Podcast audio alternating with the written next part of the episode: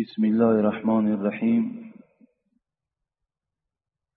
نحمده ونستعينه ونستغفره ونعوذ بالله من شرور أنفسنا ومن سيئات أعمالنا. من يهده الله فلا مضل له ومن يضلله فلا هادي له. أشهد أن لا إله إلا الله وحده لا شريك له وأشهد أن محمدا عبده ورسوله. السلام عليكم ورحمة الله وبركاته. اولا همه شما را برادرای عزیز و پدران عزیز با این روز بندگی خدا با این روزی که خیلی سرشاری ثواب و اجر هست شما را تبریک و تحنیت می‌گویم.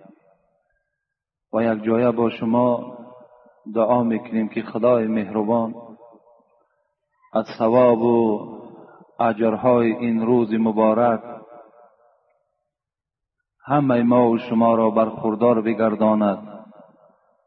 و خدای مهربان این عبادت هایی که ما انجام می دهیم اگرچه از صح و نقصان خالی نیست خدایا به درگاهت مقبولش بگردانی. و در نامه اعمال این جمعیت ما خدایا اجرهای او را کتابت بفرمایی. خدایا این قوم جمع ما را از همه ها در حفظ امان خودت نگه بداری. خدای مهربان این قوم جمع ما را مرادها و مطلوبهاشون اگر نیک باشند خدایا برآورده بگردانی. گذشتگان این قوم جمع ما را خدایا رحمت و مغفرت بگردانی.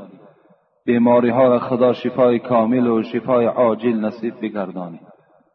عدل انصاف و یکدیگر فهمی را در تمام روی دنیا علال خصوص در این جمهوری ما برقرار و بردوام نگه بداری از رهبریت و تمام آن کسانی که زیر دست ایشان هست برای آبادی تاجیکستان خدمت ها می‌کنند. خدای عمری دراز و توفیق با رفیق نصیب و رودیشان بگردانی آمین یا رب العالمین.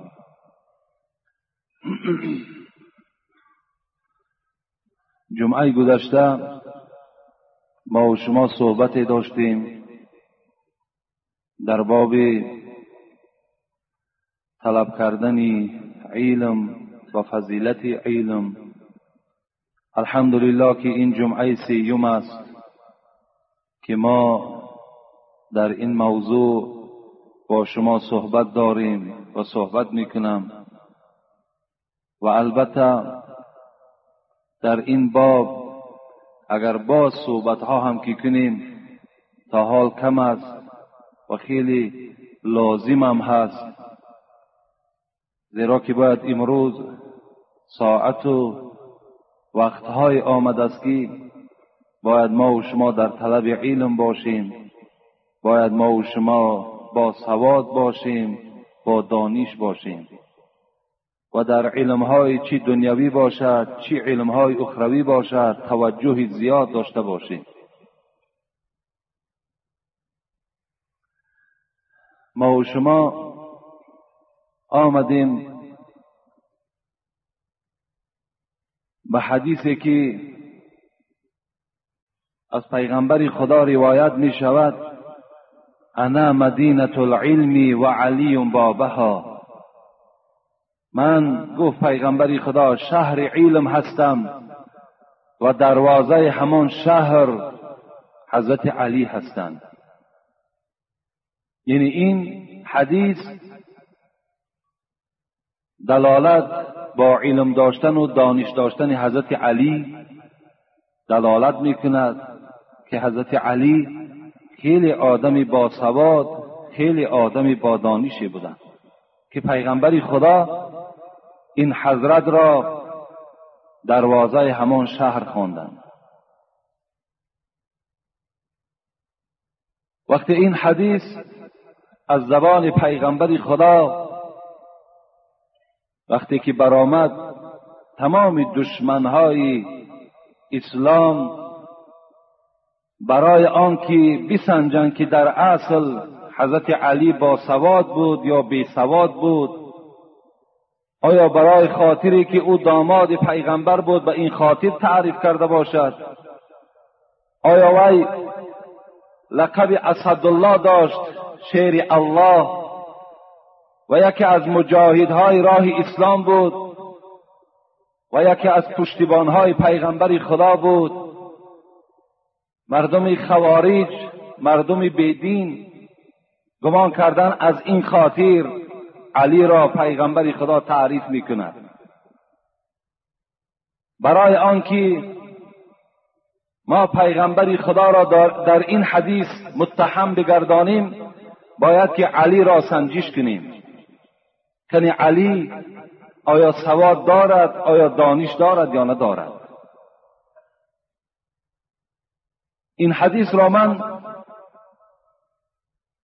در اون وقت برای شما خواندم که امروز اکثر امت پیغمبر خدا مال دوستدار شدند همه برای جمع کردن مال کوشش ها دارند مهنت ها دارند لکن برای فرزند دانش آموختن برای فرزند در مکتب ها داخل کردن و از دانش فرزند آگاه شدن هیچ اهمیتی ندارند این حدیث بیانگری او هست که این مردم بیگانه از علی چی پرسیدند؟ پرسیدند ده نفر شدند. مصلحت کردند که هر کدام ما پیش علی می دراییم فقط یک سؤال می‌کنیم اگر در همین یک سؤال ما یک خیل جواب گوید وی عالم نیست. اگر در این یک سوال ما ده نمودی جواب گوید این حالت در ما تصدیق می‌کنیم که علی آدمی با دانش است. علی آدم عالم است.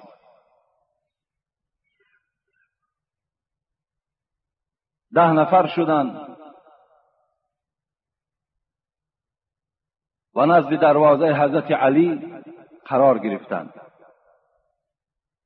یکایک می آمدند و می پرسیدند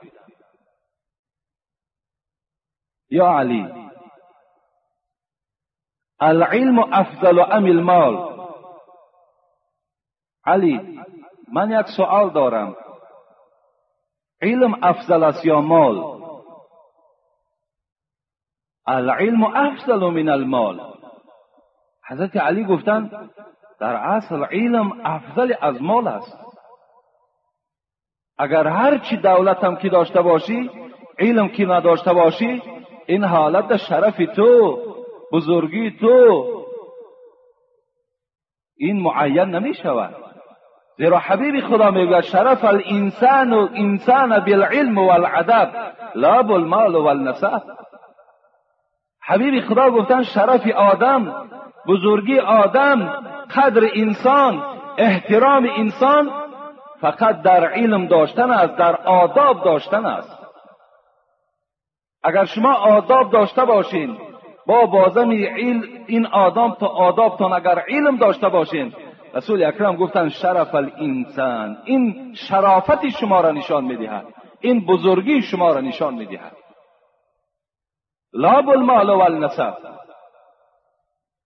پیغمبر خدا گفتند بزرگی شما شرف شما در نسب داشتن شما که من فرزند فلانی هستم پدری من فلانی هست پدری من در فلان وظیفه کار می‌کند یا من مالدار هستم در این پیغمبر خدا شرف نگذاشتم.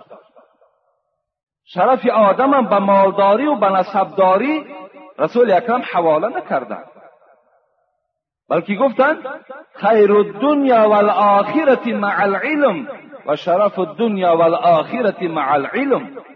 شرف دنیا و شرف آخرت این همراه علم است. اگر خواهید شما که در دنیا و در آخرت سربلند باشین و بهترین مکانهای جنت سزاوار شوین در دنیا و در, در دنیا شما با علم باشین. از علم برخوردار شوین. یک حکیم در احیاء العلوم غزالی میارد که یک دانشمند گفتن شخصی که اگر علم نداشته باشد کاش که بدانم که اگر شخص علم نداشته باشد وی چی چیز یافت از دنیا؟ و اگر علم داشته باشد از چی چیز محروم شد؟ ببین از این سخن حکیم معلوم این بود است که همه وابسته به علم است. گفتن علم افضل از مال است. گفتن به ای دلیلی؟ گفتن حضرت ما با این قناعت نمی‌کنیم دلیل داری؟ حجت داری؟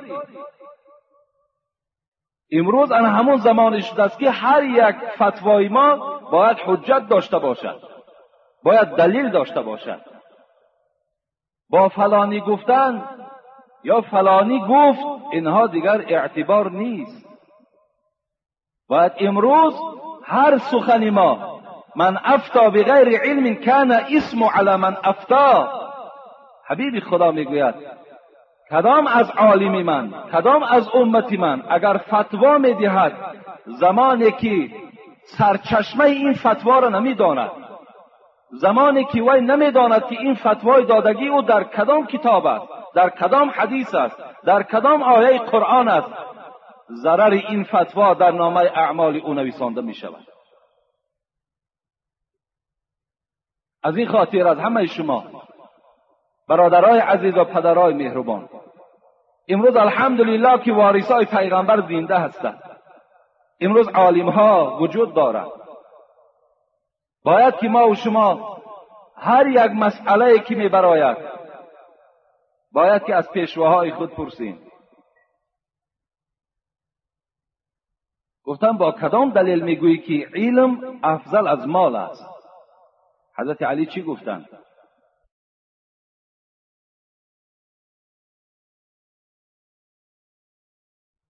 العلم میراث الانبیاء والمال میراث القارون و شداد و نمرود گفت دلیل من این است که علم این میراث پیغمبر هاست این الانبیاء لم یورثوا درهما ولا دینارا ولكن ورثوا العلم. فمن اخذه اخذ بحظ وافر. پیغمبری خدا می‌گوید عالم ها از پسشان هیچ مال دنیا را باقی نگذاشتند. و فرزندهاشان هیچ میراثی نگذاشتند. درهم و دینار نگذاشتند. چگونه ما و شما از دنیا میگذریم؟ داملا میآید طریقه می‌کند و پول و اسباب انجام ما و شما را حساب می‌کند به دختر و بچه های ما تقسیم می‌کند. پیغمبرها این گونه مال باقی نگذاشتند. بلکه حبیب خدا می‌گوید پیغمبرها فقط علم را باقی ماندند و خلاص. میراث پیغمبرها فقط علم بود. حضرت علی گفتند علم افضل از مال است زیرا که علم میراث پیغمبر است لکن مال میراث قارون است میراث شداد است میراث نمرود است. میراث ابو جهل و ابو لحب است. از اینها گفت میراث مال مان از این خاطر علم افضل از مال است. فذهب بهذا الجواب. صاحب کتاب می‌گوید که وقتی این سخن گرفت در اصل دلیل خوب؟ دلیل از روی حدیث پیغمبر خانه شد رفت برآمد بیرون. با رفیقانی گفت که این گونه من جواب از حضرت علی شنیدم. فجاء الاخر دیگر آمد. نزد علی پرسید ای علی علم افضل است یا مال؟ گفت علم افضل از مال است. با کدیم؟ به ای دلیلین من همون متناش نمی‌خوانم. با کدام دلیل؟ حضرت علی چی گفتن؟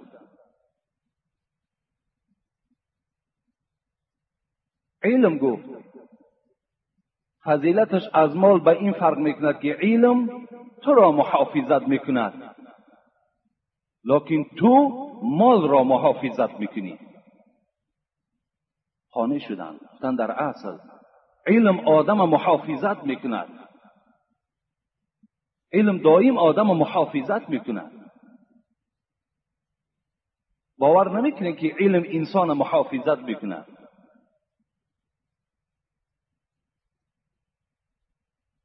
اعمال گفت این است که تو ویا محافظت می‌کنی. کدامش افضل است؟ البته علم افضل است. وقتی مرا علم محافظت کند این افضلتر بوده است. از او یکی چارسومه که ما و شما داریم. یا اینکه مثال اگر دیگرها را آریم بیچارا نه شب خوابن و نه روز خوابن. از این بانک می‌گیرن در این بانک میپرتاین. از این بانک می‌گیرن بانکی دیگر میپرتاین. از اونجا می‌گیرن باز یک دوردست میبرنش. یعنی فقط و فقط محافظت همون مالش داشت فقط و فقط در همه خیال و وجودش همون مالش که از دست نرود. چی می‌داند که این مال پیغمبر گفت؟ این در گمان است مال تو هست یا نه این چیزی گمان است گفت الحال همه شما در مسجد نشسته این و در خاندانتان شما مال دارین. نامعلوم که به نزد مالتان می‌رسین یا نمی‌رسین. این گمان است.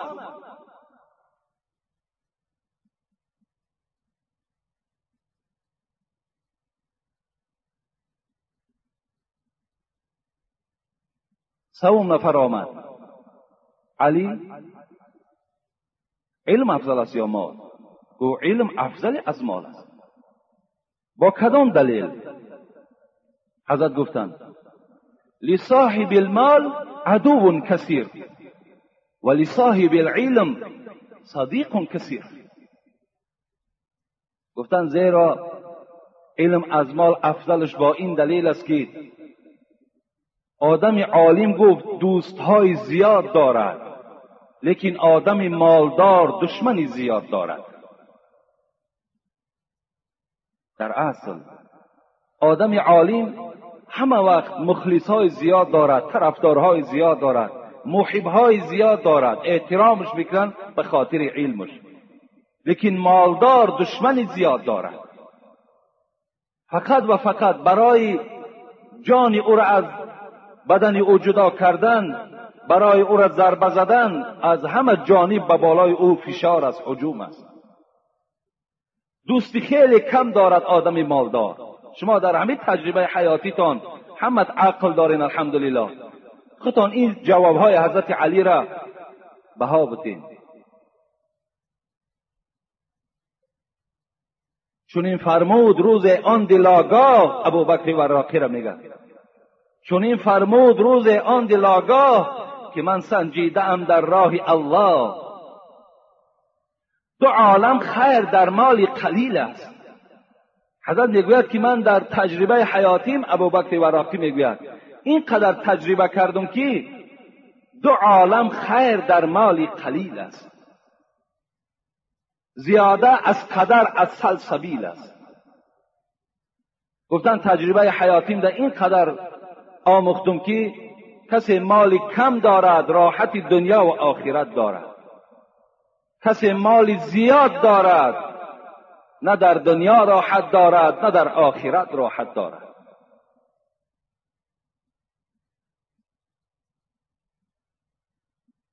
شری دو کون در مال کثیر است. دلی به بهره در بهرش اسیر است. در اصل حضرت میگه شری دو کون در مال کثیر است. بدبختی هر دنیا می‌گوید در زیاد داشتن مال است. دل به بهره در بهرش اسیر است. یعنی اسیر همون مال می شود دل انسان. از این بدتر عدو چیست ای جان که محرومت کند از فیض سبحان؟ از این دشمنتر برای تو چیست می‌گوید؟ حضرت سیون جواب گفتند برای آدم عالم دوستی زیاد است. برای آدم مالدار دشمنی زیاد است. این شم رفت نفر چهارم درآمد. علی علم افضل است یا مال؟ حضرت علی باز جواب گفتن علم افضل از مال است. با کدام دلیل؟ حضرت علی گفتند هر وقتایی که اگر مال صرف کنی کم می شود هر وقتایی که علم صرف کنی زاید می شود خانه شدن در اصل انسان وقتی که هر چی علم می‌خواند تا حال کم است. هر چی میگوی باز هر روز یک علمی نو یک سخنی نو باز در وجود تو پیدا شدن می‌گیرد لیکن مالدار هرچی اگر مال دادن گیریم مال کم شدن می‌گیرد خانه شدن گفتن جوابی درست؟ برآمد نفر پنجم در آمد گفت علی علم افضل است یا مال؟ گفت البته علم افضل از مال است. گفت با کدام دلیل می‌گویی؟ حضرت چی گفتن همه وقت گفتن مالدار گفتن خوانده می شود با اسم بخیل و با اسم خیلی بد. آدم مالدار گفت همه وقت یعنی با نام خوب گفت فریادش نمی‌زنند یعنی هر جای مالدار باشد اگر ذره نامش گرفتی و در حال سر می شود و آدم بخیل است و آدم ممسک است و آدم ناخوب است و کیبر دارد و مغرور است و به انسانها سلام نمی‌دهد. گفته وقتی از نام یک مالدار سخن سر می‌کنی که این ملامت ها سر می شود لیکن گفت آدمی آدمی که علم داشته باشد. او را چی گفتن ازت؟ گفتن صاحب علم را باشد. با اسم عظام و کرام فریاد می‌زنند یعنی همه وقت آدم عالم آدمی که علم داشته باشد. وی را همچون یک اکه گفته یا همچون یک کلانتر گفته یا همچون یک ایشان گفته یا بابای شیخ گفته یا فلانی گفته. یعنی همه وقت با یک نام خوب فریاد زده می شود این نفر پنجم هم قانع شدن بر آمدن رفتن. نفر ششم آمدن. گفتن علم افضل است یا مال؟ گو البته علم افضل از مال است. گو با کدام دلیل؟ گفتن مال را تو گفت محافظت می‌کنی از دوست لیکن علم را محافظت از دوست نمی‌کنی. این بین در اصل اگر آدمی که عالم باشد علم داشته باشد کسی نباشد اگر علم دار باشد چی علم دنیوی دارد چی علم اخروی دارد؟ علم او را کسی دزدیده نمی‌تواند. کسی وای گرفته نمی‌تواند. لیکن کسی مالدار باشد گفت او مالش دایم از دزد محافظت می‌کرد که دزد مال او را نبرد. اینشان قانع شدن برآمده رفتن. نفر هفتم آمدن. باز همین سؤال کردند حضرت علی چی گفتند گفتند آدم مالدار در روز قیامت در محاسبه پروردگار قرار می‌گیرد. یعنی در نزد پروردگار برای این مالهایی که به دست آورده است رسول اکرم حدیثی صحیح است لا تزول قدم عبد حتى يسأل عن عموره فيما افنا وعن ماله من أين اكتسبه و فیما انفقه. روز قیامت آدم مالدار پروردگار می‌پرسید است من عین اکتسبه؟ از کجا این مال زیاد در دست تو آمد؟ و فیم انفقه و در کدام راه این مال صرف کردی؟ روز قیامت از مالدار اینو می‌پرسند. لکن آدم عالم باشد می‌گوید. آدمی که علم داشته باشد حضرت علی می‌گوید. روز قیامت در حسابات خدا نه بلکه مردم شفاعت می‌کند. اینشم قانع شدند بر آمدن رفتن. نفر هشتم آمدن همین سؤال کردن. علم افضل است یا مال؟ حضرت گفتن علم افضل از مال است. گفتن با کدام دلیل؟ گفتن که مال گفتن به ایستادن زیاد میپوسد لیکن علم هر چی که باشد نمیپوسد. حضرت خانش در اصل مال اگر مالی که ما و شما ذخیره می‌کنیم اگر یک مدت ایستاد یک سال دو سال علاکه ویران شوی در او پیدا شدن می‌گیرد لکن علم گفت نمیپوسد گفت تا چندی روشن می‌شود تا چندی زائد می‌شود این شم خانه شدن بر آمدن نفری نهم آمدن گفتن علم افضل است یا مال گفتن علم افضل از مال است گفتن با کدام دلیل گفتن مال دل انسان سیاه می‌کند لیکن علم گفت دل انسان روشن می‌کند این شم خانه شد برآمد رفت نفر دوم آمد گو علم افضل است یا مال گفت علم افضل از مال است گو با کدام دلیل گفت با اینکه آدمی گفت مالدار گو بسیاری و گو پروردگارش به خاطر مالش پرستش می‌کند لیکن آدم عالم گفت همچو یک بنده در نزد پروردگار عبادت می‌کند ده نفر بیرون شدند این جوابها را با یکدیگر گفتند. همگی در این جوابها معقول شد و حضرت علی بیرون برآمد گفت به خدا قسم گفت تا روز قیامت اگر نفرهای شما آمدن گیرد تا وقت جان در بدن دارم یک جوابی نو برای شما می‌گویم. یعنی البته علم افضل از مال است. پدرای عزیز و برادرای مهربان.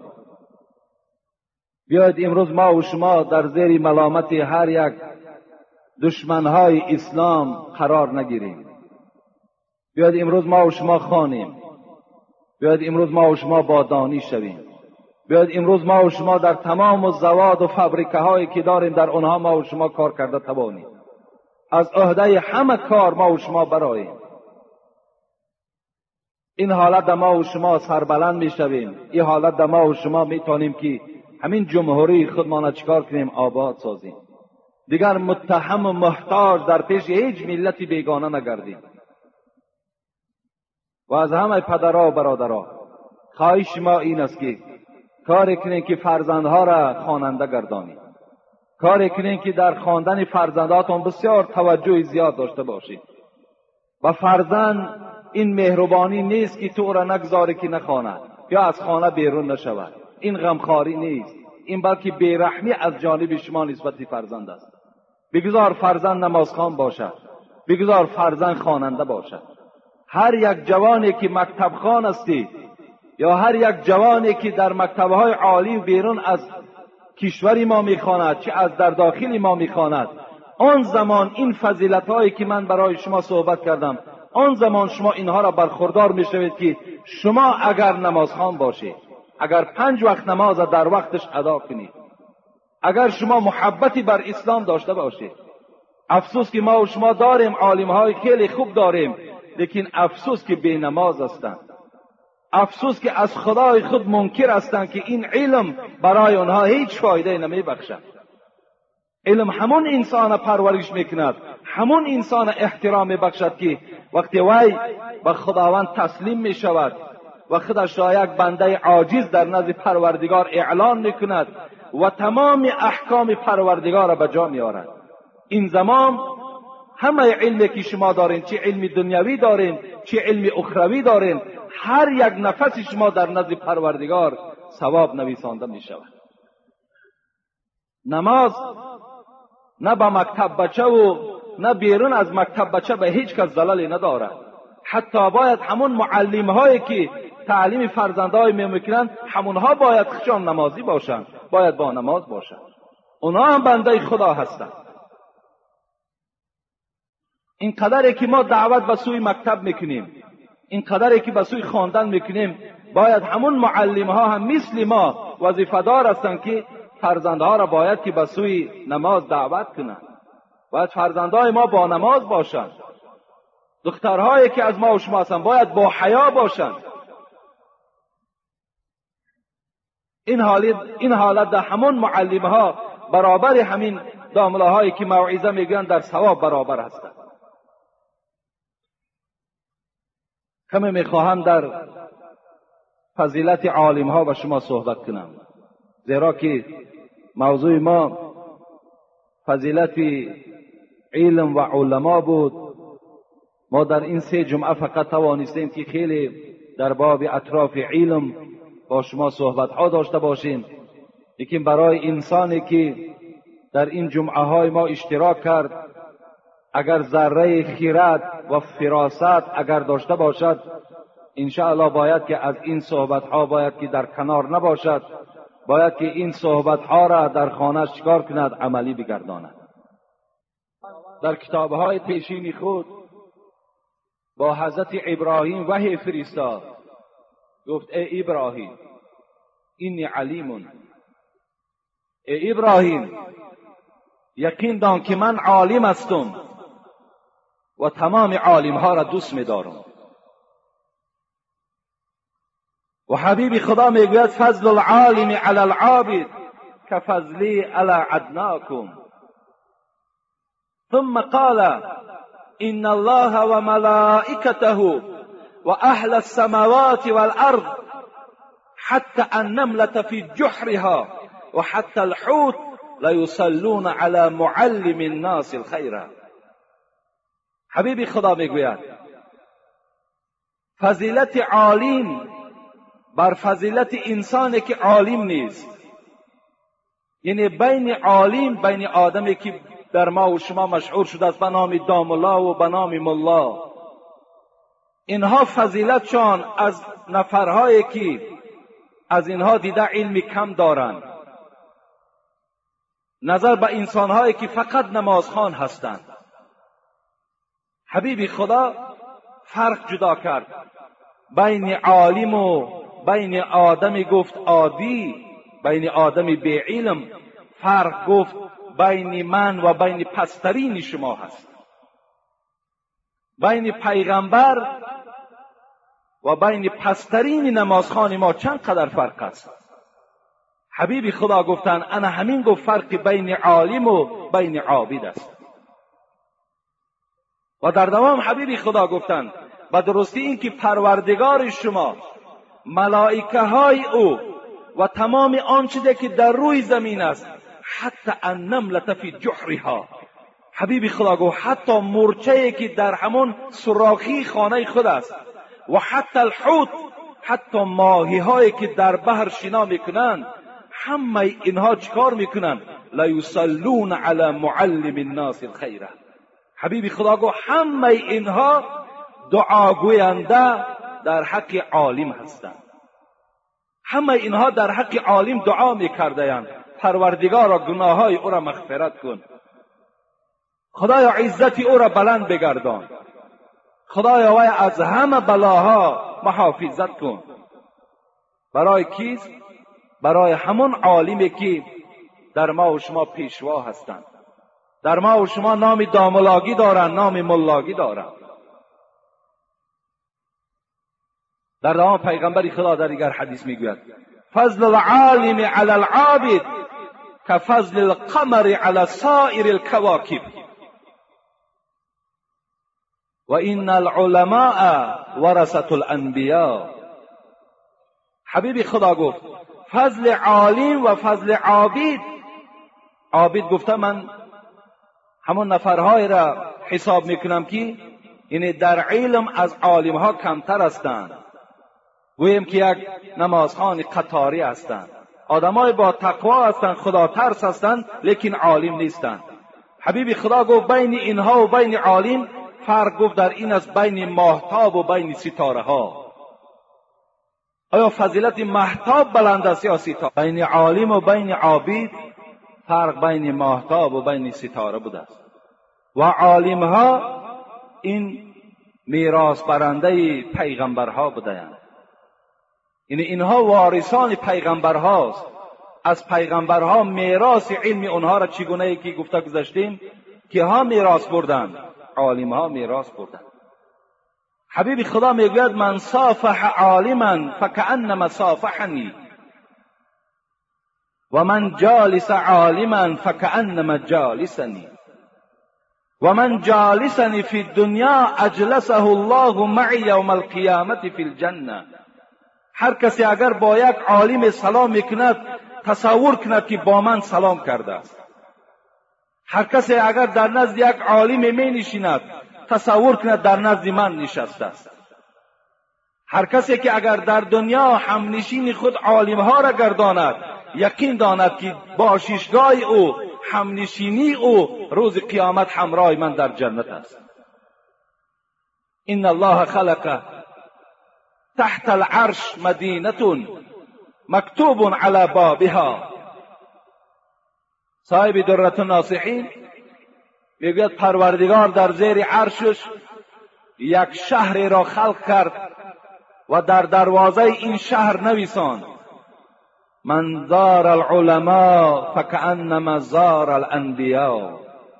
کسی یک عالم زیارت می‌کند همچنان است که پیغمبر را زیارت کرده است.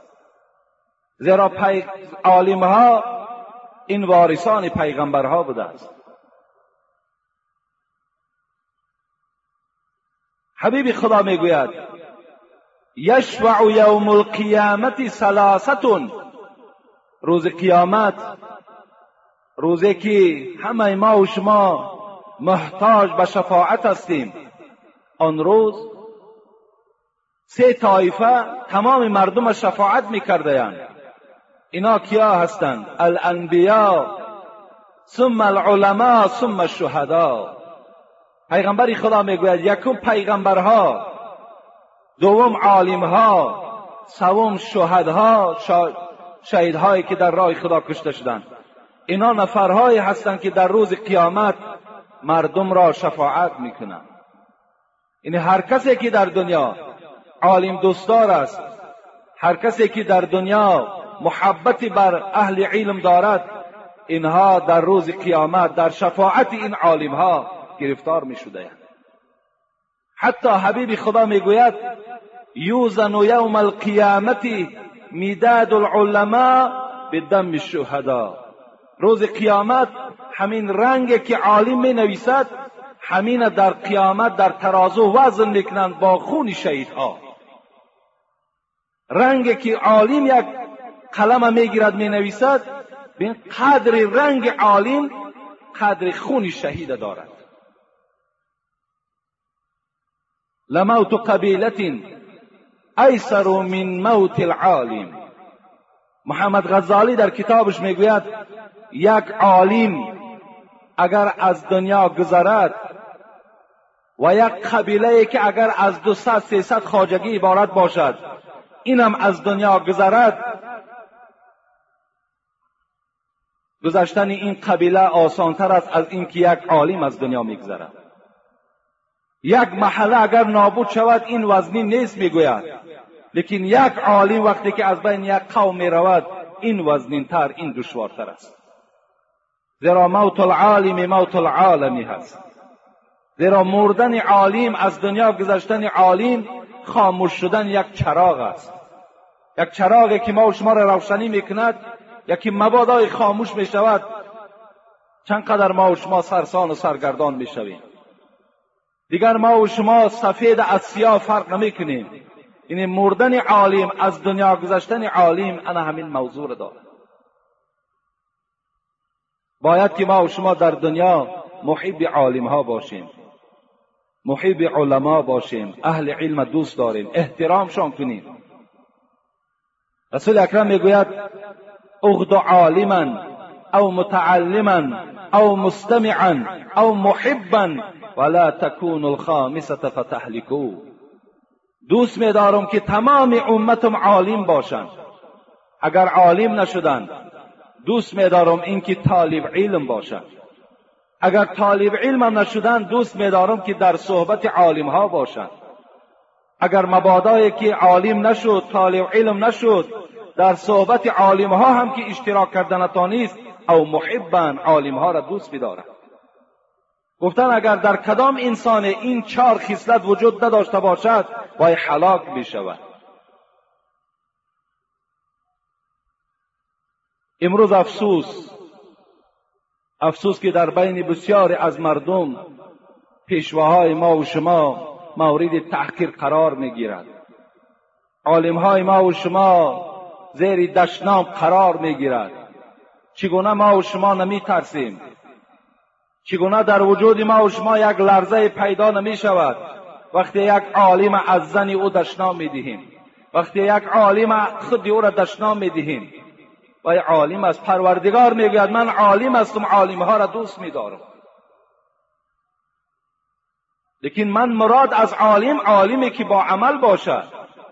عالم به عمل من در نظر ندارم از عالم به عمل در یک جاهل قدرش بلند است. حبیب خدا می‌گوید یؤت یوم القیامت رجل فیلقا فی النار فتندلق اقطاب بطنه. روز قیامت یک مرد میارند فیلقا فی النار می‌گیرن از دست و پاشو در چاه دوزخ میپرتاینش فتندلق اقطاب بطنه. حبیب خدا می‌گوید که وقتی این مرد در چای دوزخ می‌زند روده های او بیرون می شود روده کشال در بیرون است. فیدور بها کما یدور الحمار فی الرحا. حبیبی خدا می‌گوید این مرد را از روده هاش می‌کشند و گرد میگردانند چگونه که یک خری که در اطراف آسیاب دور میگردد. این مرد را از روده هاش می‌کشند. فیجتمع اهل النار. فیقولون یا فلان الم تکو تعمر بالمعروف و تنها عن المنکر? وقتی اهل دوزخی ها که می‌بینن میشناسنش. می‌گوین ای ای نفر ای انسان او تو همون انسانی نبودی که در یک مسجد خطیب بودی.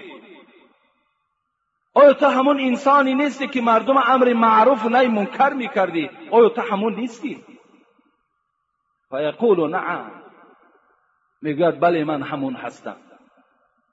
همون پیشوای مردم من هستم. آمر بالمعروف ولا آتیه و نه عن المنکر و آتیه میگه در اصل من همون هستم همون پیشوای شما هستم لیکن در دنیا مردم امر معروف و نهی منکر می‌کردم لیکن خودم عمل نمی‌کردم مردم از حرام کرده ها باز می داشتم لیکن خودم در حرام کرده ها دست می زدم من نمو انسان هستم برای این گونه عالمی به عمل در روز قیامت این گونه عذاب منتظر است. این گونه عذاب نگاه دارد. راه این گونه عالم من مراد از عالم دائم عالم با علم میگم آدمی که با علمش عمل کننده باشد. علمی که برای حله نباشد. علم برای زیرکی نباشد. علم برای تله و تاراج نباشد. علم باشد که فقط از برای خدا باشد. برای فقط بهبود کردن اخلاق مردم باشد. برای حقیقت اسلام و به گوش مردم رسانیدن باشد. این علم علم با عمل است. خداوند در قرآن می‌گوید یا ایها الذین آمنوا لما تقولون ما لا تفعلون؟ کبور مقتا عند الله ان تقولوا ما لا تفعلون. ای کسانی که ایمان آوردید ای کسانی که امروز شما مردم امر معروف نهی منکر می‌کنید ای کسانی که امروز جنازه مردم می‌خوانید ای کسانی که امروز شما را همچون پیشوا گفته احترامتان می‌کند. خداوند خطاب دارد. چرا می‌گوید آن چیزی را که خود نمی‌کنید؟ لما تقولون ما لا تفعلون؟ چرا؟ چرا آن چیزی را که در گردن مردم بار کردی و خودت راحت کرده گشتی؟ چرا نمی‌کنی خودت؟ چرا در بین مردم تو ملا هستی لیکن در غیر مکانهای دیگر در جایهای پنهانی تو ظالم هستی؟ چرا؟ کبور مقتا عند الله ان تقول ما لا تفعلون. زود است و پروردگار نزد من میایی تو. زود است که تو وارد قبر می‌شوی لکن سختترین عذاب برای تو آماده کرده شده است. عالمی به عمل بسیار دلال کلانی دارد. در ما یک زنبور مسئله بود اگرچه حدیث پیغمبر است. عالمی به عمل زنبوری به اصل زنبوری به اصل کشتنش در اسلام جایز است. زنبور اصل کشتنش جایز نیست. زنبوری که اصل می‌دهد کشتنش جایز نیست. لیکن زنبوری به اصل که مثال ضرری در مردم است و کشتنش گناه نیست. من عالمی به عمل پیغمبر خدا به زنبوری به اصل تشبیه داده. زنبوری به اصل در تشبیه داده. یعنی فقط وای زیان دارد وای زلال دارد و خلاص. حتی حبیب خدا میگه لا تبکو علی دین إذا ولیه غیر أهله. لا تبکو علی دین إذا ولیه أهله. ولكن ابکو علی دین إذا ولیه غیر اهلی پیغمبر خدا گفت ای امتی من همه گریه کنین وقتی که اگر پیشوای شما عالمی به عمل باشد زیرا که وی شما را برای خطر میبرد. دین شما را رخنه می‌کند برای این گونه پیشوا داشتن شما همه گفتن ماتم گیرید گریه کنید. لیکن شما گریه نکنید زمانی که اگر پیشوای شما حقیقت گو باشد در علمش عمل کننده باشد این صورت اگو شما خوشنود باشید خرسند باشید. شکرانه به سوی خدا کنید. مطلب من از این عالم ها عالم با عمل است. عالم بی عمل چگونه گفتیم یک جاهل قدرش بلندتر است.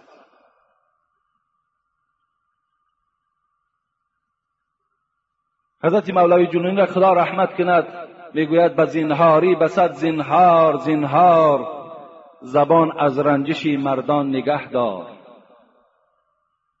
به ما و شما خطاب می‌کند که ای مردم می‌گوید اگر مبادا در یک معرکه نام ملاها گرفته شد شما تحقیرشان نکنید. شما آنها را غیبت نکنید. شما آنها را دشنام ندهید. و زنهاری به صد زنهار زنهار حضرت تأکید دارد زنهاری به زنهار فرزند من. در پی غیبت عالم ها نشد به عالم ها نچست به عالم ها نرس. دل عالم ها را نرنجان. به زنهاری به صد زنهار زنهار زبان از رنجش مردان نگه دار.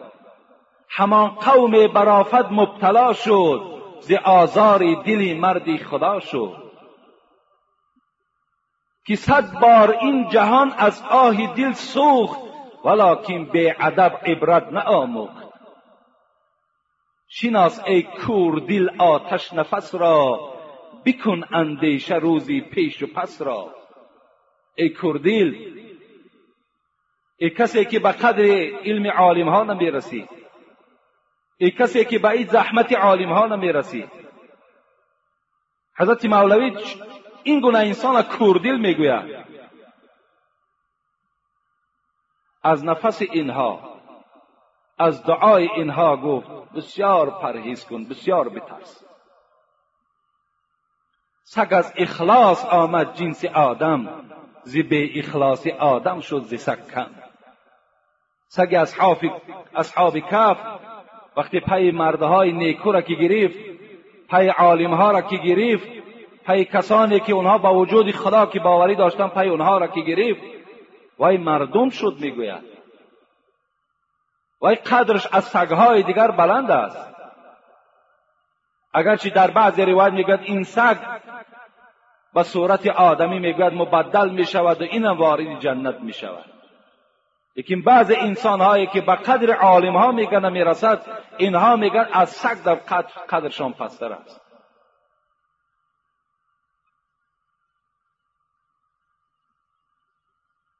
ساعت جبرائیل عن صاحب العلم حبیبی خدا می‌گوید از حضرت جبرائیل پرسیدم عالم های امت من چند قدر قدر دارند چی مرتبه دارند کیا هستند جبرائیل گفتن هم سراج امتی. توبا لمن عرفهم والویل لمن انکرهم و ابغضهم. حضرت گفتن اونها چراغی در بین امتی تو هستند چگونه که چراغ خدمت می‌کند چگونه که چراغ روشن می شود و مردم وقتی او خوش می شود روی دل آنها روشن می شود عالم گو به منزله چراغ هستند. حضرت جبرائیل گفتن خوش به حال همون امتی که عرفهم این عالم ها را بشناسد عالم ها را احترام می‌کند. لیکن در دوام گفتن والویل لمن انکرهم و ابغضهم. لیکن وای به حال همون گونه امتی که این ها را به احترامی می‌کند. ها را دشنام می‌دهد. ها را غیبت می‌کند. وای به حال اینها. جوانای عزیز و برادرای مهربان امروز ما و شما بسیار معرکه که می نشینیم شما تصور نکنین که همه اونها کسانی هستند که مثل شما عقیده تازه و پاکیزه دارند. در بین شما در معرکه های شما شخصانی می که اونها نفرت به اسلام که دارند عالم های شما را غیبت می‌کنند عالم های شما را سنگ می‌زنند شما می توانید که در اون خیل مکان پشتیبانی از عالم هاتون کنید. نگذارید که عالم های شما را پیشواهای شما را در پیش شما سنگ زنند دشنام دهند و شما خاموش باشید.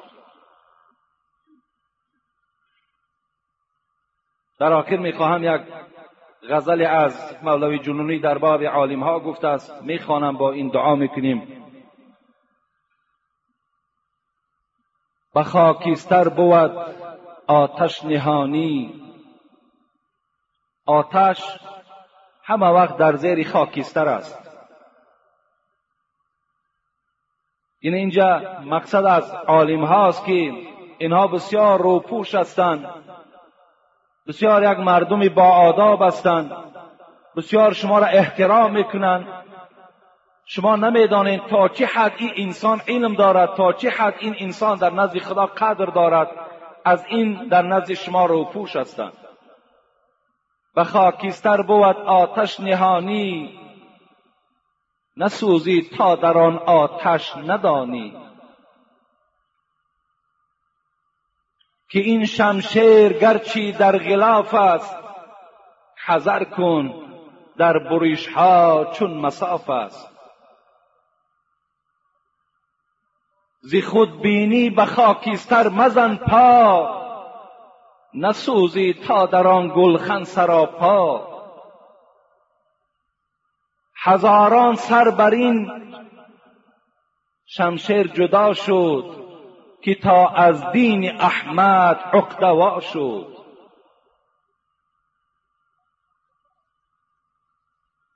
اگر با دوستانی حق ستیزی دو عالم آبروی خود بریزی.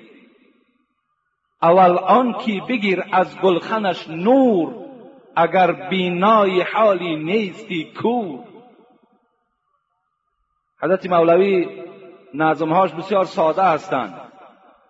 من اگر به شما ترجمه هم که نکنم شما انشاءالله از فهمش خبردار شده ایستاده اید. ببین انوار این روشندلان را. ببین انوار این روشندلان را. به خدمت کن فدا از صدق جان را. اگرچه نیستی از اهل خدمت مباشی اهل انکار و خصومت. دادرای عزیز می‌گوید فرزندهای مهربان اگر شما در عالمها خدمتگار نیستین اگر شما در عالمها محبت ندارین به آنها دشمنی را پیشه نکنین. دشمن عالمها نشوین. قوتی نیکی ندارین بدی نکنید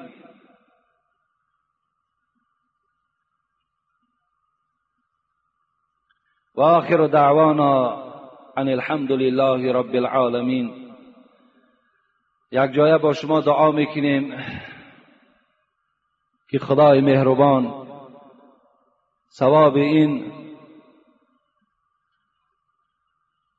امر معروف و نهی از منکر را در نامه اعمال ما و شما خداوند کتابت بفرماید. و خدای مهربان تمام این جوانها و تمام این بندگانی که در این مسجد جمع شدند و تمام فرزندان این مردم تاجیکستان را خدایا اهل علم بگردان و خدایا در دل اینها محبت عالمها را جاگیر بگردان و خدایا این جمعیت ما را همراه زن و فرزندها اهل هدایت بگردان. و مسافرهای این جمعیت ما را خدایا صحت و سلامت به خاندان برسان.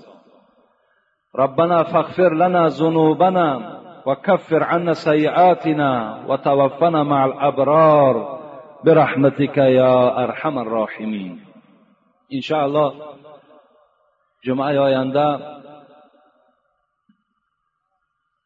سوال و جواب می‌کنیم. و بعدا خدا خواسته باشد همون تکلیفی برادرهایی که در باب توبه برای شما باید صحبت کنیم. خدا خواسته باشد می‌بینیم یا جمعه آینده است یا جمعه آینده دیگرش. برای شما این موضوع را تیار می‌کنیم و به گوش همه شما میرسانیم که توبه چگونه هست توبه کدام انسان قبول می شود و توبه کدام انسان قبول نمی شود از این مسئله ها انشاءالله همه شما را آگاه می‌کنم. الحال در حق بعضی از برادرها دعا می‌کنیم.